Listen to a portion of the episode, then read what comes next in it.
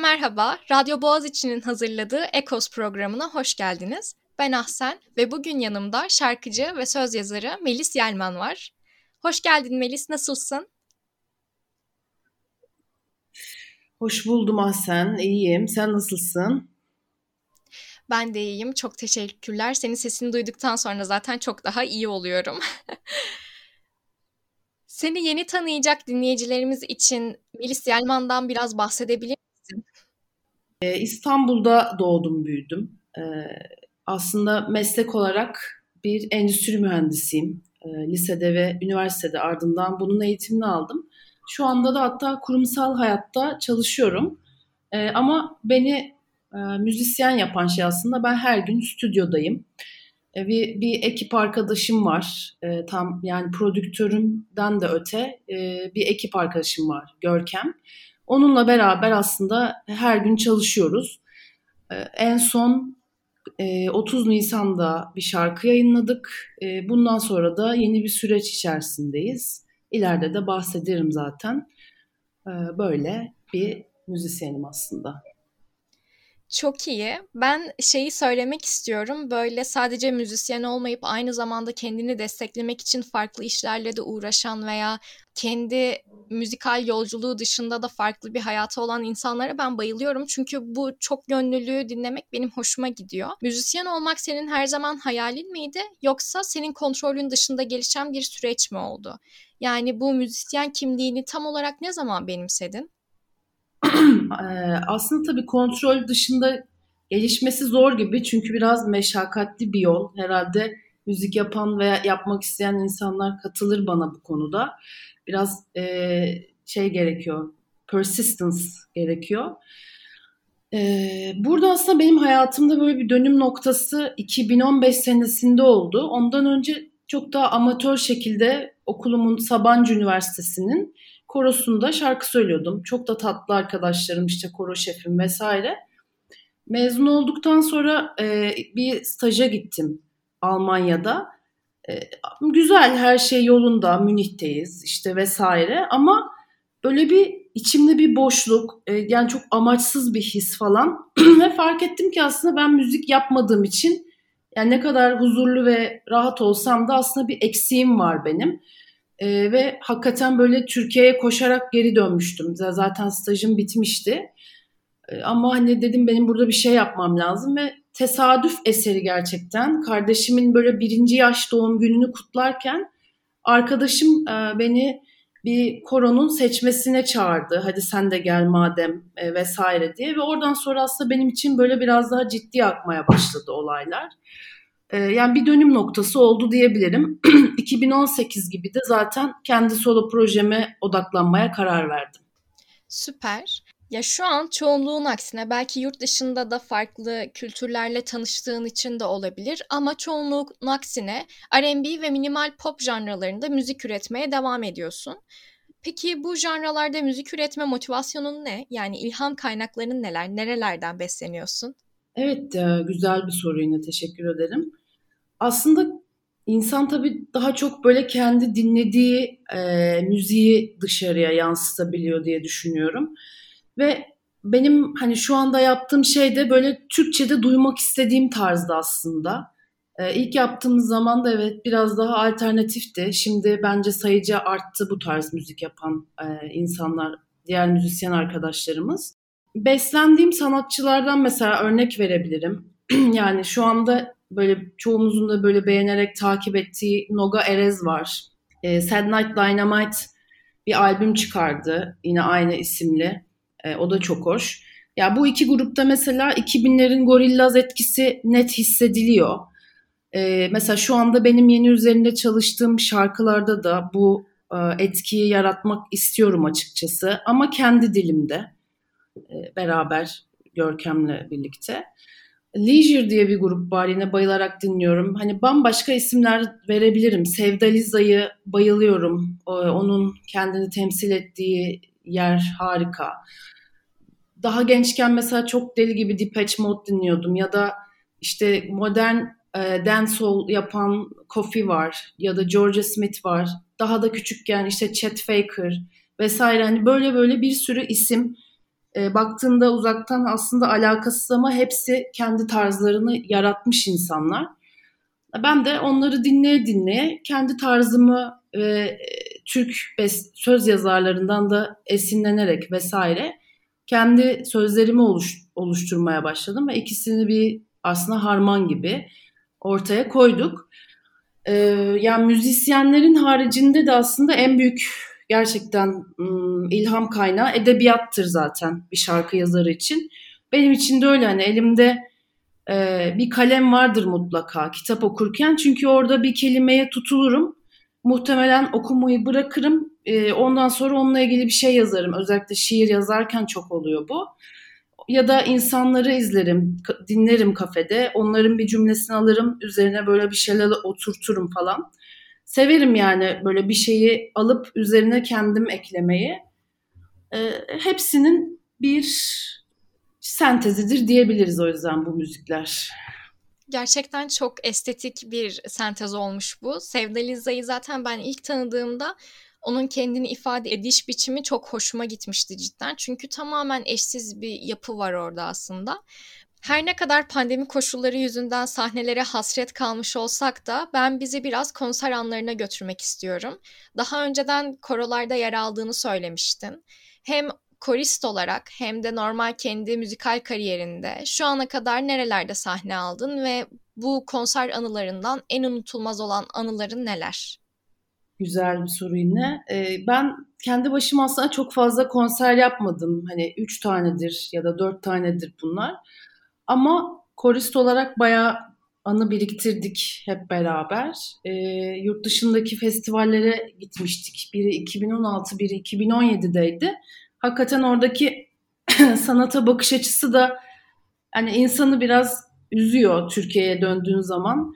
E, mesela prova yapıyorduk ya prova derken kendi kendimize şarkı söylüyoruz, kafede oturuyoruz ve insanlar işte Fransızlar e, toplanıyorlar, alkışlıyorlar ve işte bir sonraki şarkı gelecek mi filan ona göre bekleyelim diye soru soruyorlar. Biz gerçekten gözler yaşlı.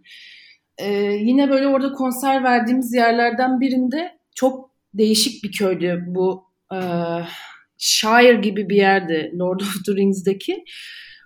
Bir şapelde konser yapmıştık. Ee, ve orada böyle belediye başkanı gelmişti biz konser yaptıktan sonra. Bütün halk kendileri evlerinden yemekler yapıp getirmişler, şaraplar getirmişler. Hakikaten böyle yani filmde miyiz falan insan sorguluyor. Öyle anlar oldu. Belediye başkanıyla tanıştık. İşte insanlar ağladı. İşte bizim Türk ritimlerinde şarkı söylediğimiz zamanlar falan. Ee, biraz da sanırım koro müziğinin böyle sadece insan sesiyle yapılan bir şey olduğu için ve katıksız bir müzik olduğu için çok işliyor. E, yine böyle unutulmaz anlardan biri böyle Barcelona'daydı. Orada da Eric Whittaker diye bir bestecinin e, birinin ölümünden sonra sipariş üzerine yazdığı bir şarkı, koro düzenlemesi. Çok da hüzünlü. E, orada bunun provaları sırasında da Türkiye'deyken e, dedem biraz hastaydı vesaire. Orada e, böyle kafamda kodlamışım yani o şarkıyı böyle bir hüzünle. Sonra orada söyledik işte Barcelona'da. Dedim iyi yani bir ağlamadım falan duygulanmadım. Sonra en önden bir hıçkırık sesi geldi. Bizim başka biri bu sefer duygulanıp ağlamış. Ben de öyle olunca ben de ağladım. Böyle koroda işte e, İspanyolların önünde böyle gözyaşı döken koristler dayanamayıp o kadar hisli bir şarkıymış falan. Böyle anlar vardı. Çok katıksızdı.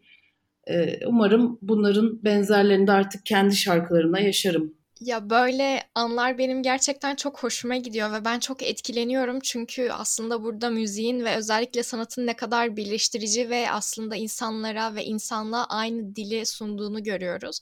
O yüzden böyle insanların konser anılarını performans anılarını dinlerken gerçekten benim de tüylerim diken diken oluyor.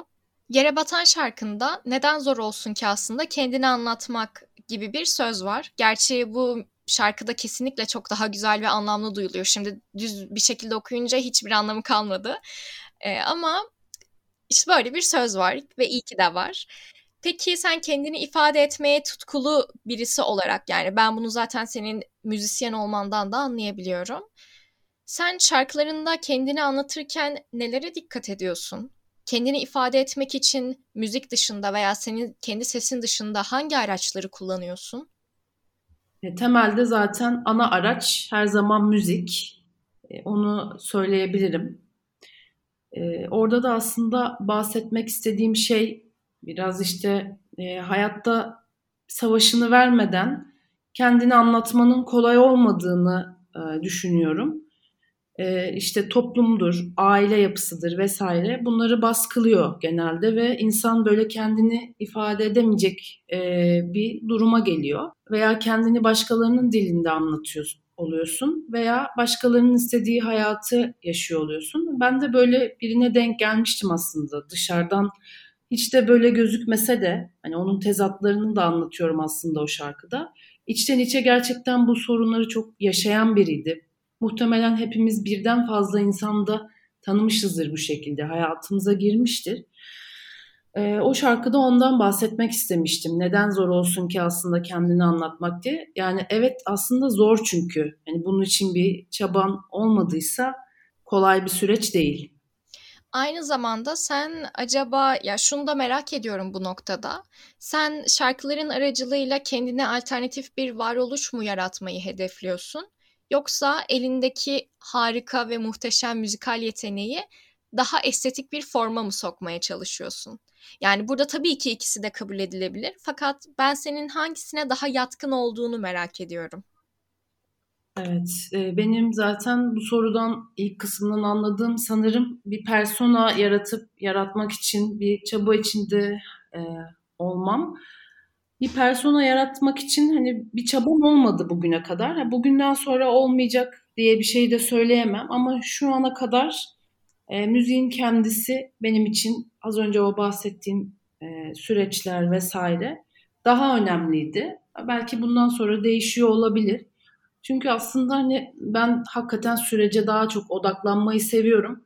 E, benim en güzel zamanlarım stüdyoda geçiyor, müzik yaparken geçiyor bir şarkı yazdığımda onu hemen ete kemiğe büründürürken e, yaşadığım heyecanlarla böyle hayatı canlı hissediyorum. E, sonuna çok o yüzden odaklanmadım. E, o yüzden ben ikincisine biraz daha yatkınım. Hatta böyle üçüncü bir kategori olabilir. Belki biraz daha stratejik ilerlenebilir ama bundan sonrası için. Böyle. Mesela burada hatta o süreçlerden de bahsettik. Hani biz şu anda ufaktan da bir albüm e, süreci içerisine girdik. Burada da aslında yine süreç böyle işliyor. Daha çok hani yaparken keyif aldığımız şeyleri yapıyoruz. Heyecanlandığımız şeyleri yapıyoruz.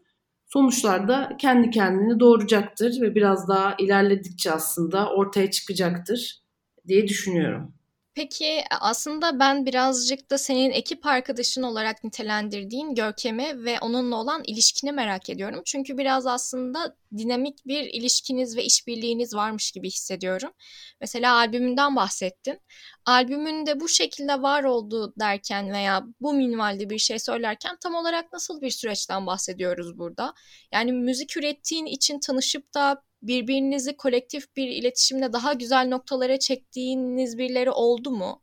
Olduysa bunlar kimler oldu?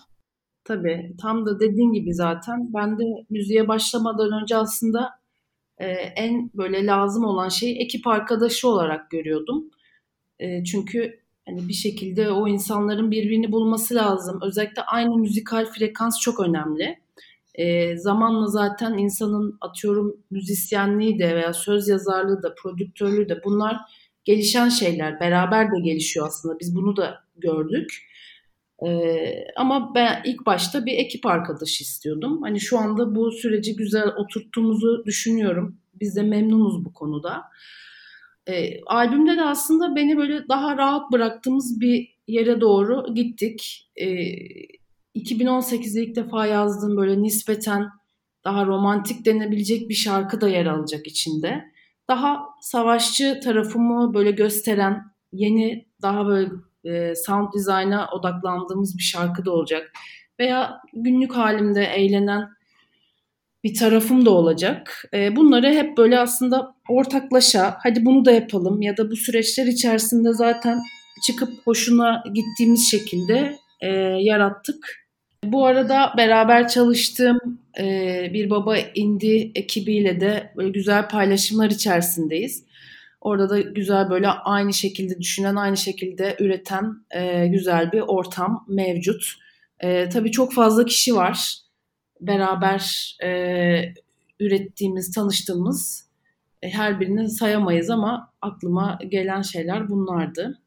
Süper yani aslında müzikle ve sanatla yani ortak bir dille bu kadar insanın buluşup da harika işler çıkarması benim zevkle ve hayranlıkla takip ettiğim bir olay. Ben biraz da senin janrana gelmek istiyorum. Yani ta- tabii ki bir sanatçıyı bir janrayla kısıtlamak hoş değil. Ama Türkiye'de alışık olmadığımız bir müzik türünde daha az örneği bulunan parçalar üretmeye devam ediyorsun. Peki ön yargılı bir piyasada müzik üretmek sana yalnızlık hissi veriyor mu? Sence müziğin nereye doğru evriliyor?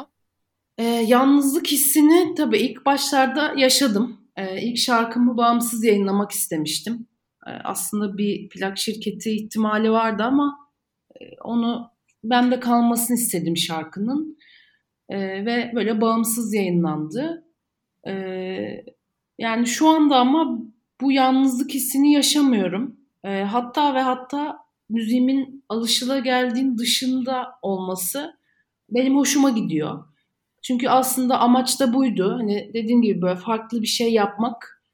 Önce bir kendimizi heyecanlandırmak, sonra bizi dinleyenleri bir şaşırtmak. Bunu yaptığımız zaman zaten e, başarılı olmuş gibi görüyorum kendimi. Yine o stüdyodaki işte heyecan anları, evreka anları hani bunları zaten böyle hep aynı müzik tarzını yaparak hem başkalarının başkalarıyla hani hem de kendimi tekrar ederek hani yaşayamam. E, o yüzden hani bu risk, bu heyecan, bu ara sıra yalnızlık herhalde normal bir şey. Ama dediğim gibi çok da hissettiğim bir şey değil aslında. E, nereye evrilir konusunda da şu an için e, yani mesela global alternatif sahnedeki böyle playlistleri falan çok takip ediyorum. Bunun için henüz bir aksiyonum yok ama mutlaka bir şey yaparım ben. Kendimden bekliyorum. Bakalım. Ben de heyecanla takip ediyor olacağım tabii ki. Çünkü yani dediğim gibi şu an karşımda olduğun için değil gerçekten şarkılarını dinlerken de ben o eşsizlik, o özgünlük hissini kendi tarafıma gayet güzel geçirebiliyorum. Bu yüzden yani lütfen devam et. Ben biraz da aslında pandemi koşullarından bahsetmek istiyorum. Çünkü bahsetmesek olmaz ne yazık ki. Pandemi koşullarında kültür, sanat ve eğlence sektörlerinin içinde bulunduğu zor duruma karşı başlatılan Gözümü Yumma projesi hakkında söylemek istediğin şeyler var mı? Bu zor zamanları atlatmak için sen motivasyonunu nasıl koruyorsun? Nasıl müzik üretmeye devam ediyorsun? Zor tabii ki. Her şeyden önce insanların geçim kaynağı da bu. Her ne kadar böyle görülmese de asla. Zaten eskiden beri gelen o bakış açısı hani bizim e, bir şey var nasıl söyleyeyim bir kısır döngü var aslında. E, zaten aileler vesaire senin müzisyen olmanı istemiyor. İşte onu neredeyse bir hani meslek olarak bile görmüyorlar. Bu aynı şekilde devlette de var. Yani bunu kıramıyoruz. E, ve hakikaten büyük çabalar e, sarf ediliyor. Hala bu üretim devam etsin diye.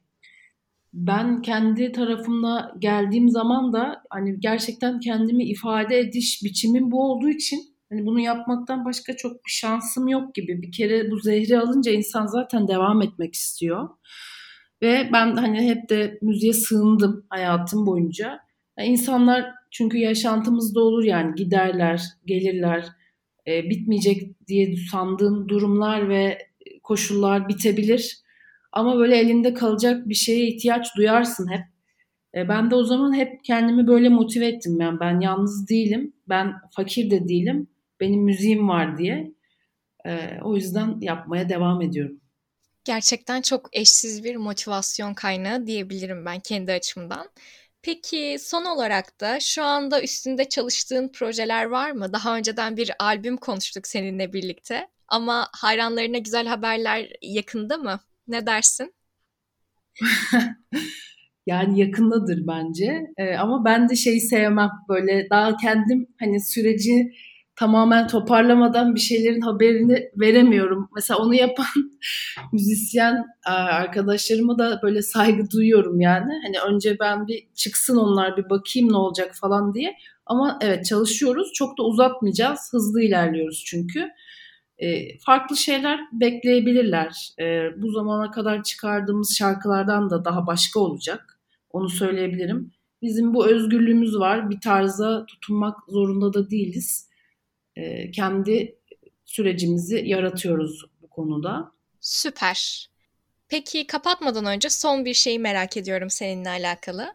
Sanatçı kimliğin dışında sahip olmaktan en çok hoşnut olduğun sıfatların neler? Müziğini destekleyecek uğraşların var mı? Sıfat onu kendimle ilgili ben söyle, söyleyemem herhalde ama babamın bana taktığı bir isim vardı. O da hayatımda aslında belirleyici oldu bana. Bana sahneye durmaz derdi küçükken. Koltukların tepelerinde olduğum için sürekli. O yüzden hala da mesela oturma oturmayı sevmem. Oturmak bana yorucu gelir. Dolayısıyla hep böyle yeni sporlar denemeyi severim. İşte e, sörftür vesaire. E, bir de aslında dediğim gibi daha önce de bahsettiğim gibi hani edebiyatla haşır neşir olmayı seviyorum. E, bolca okuma fırsatım oluyor şimdi. Evimi taşıdım. Tek başıma bir eve çıktım artık. E, bu benim için önemliydi. Böyle huzurlu bir okuma köşesi. E, bu ikisini çok seviyorum aslında. Böyle. Ya ben son dedim ama hazır edebiyata geri dönmüşken sormak istediğim küçük bir nokta daha var. Sence şair olmakla söz yazarlığı yapmak arasında nasıl farklar var? Veya bir fark var mı? Yani söz yazarlığı yapmak tabii bunu aslında şarkı için e, yapılan bir şey diye düşünüyorum. Şairlik biraz daha başka. Ben kendime söz yazarıyım diyebiliyorum. E, şairim diyemiyorum. E, orada başka şeyler de giriyor devreye. E, hani en basitinden böyle değerlendirebilirim.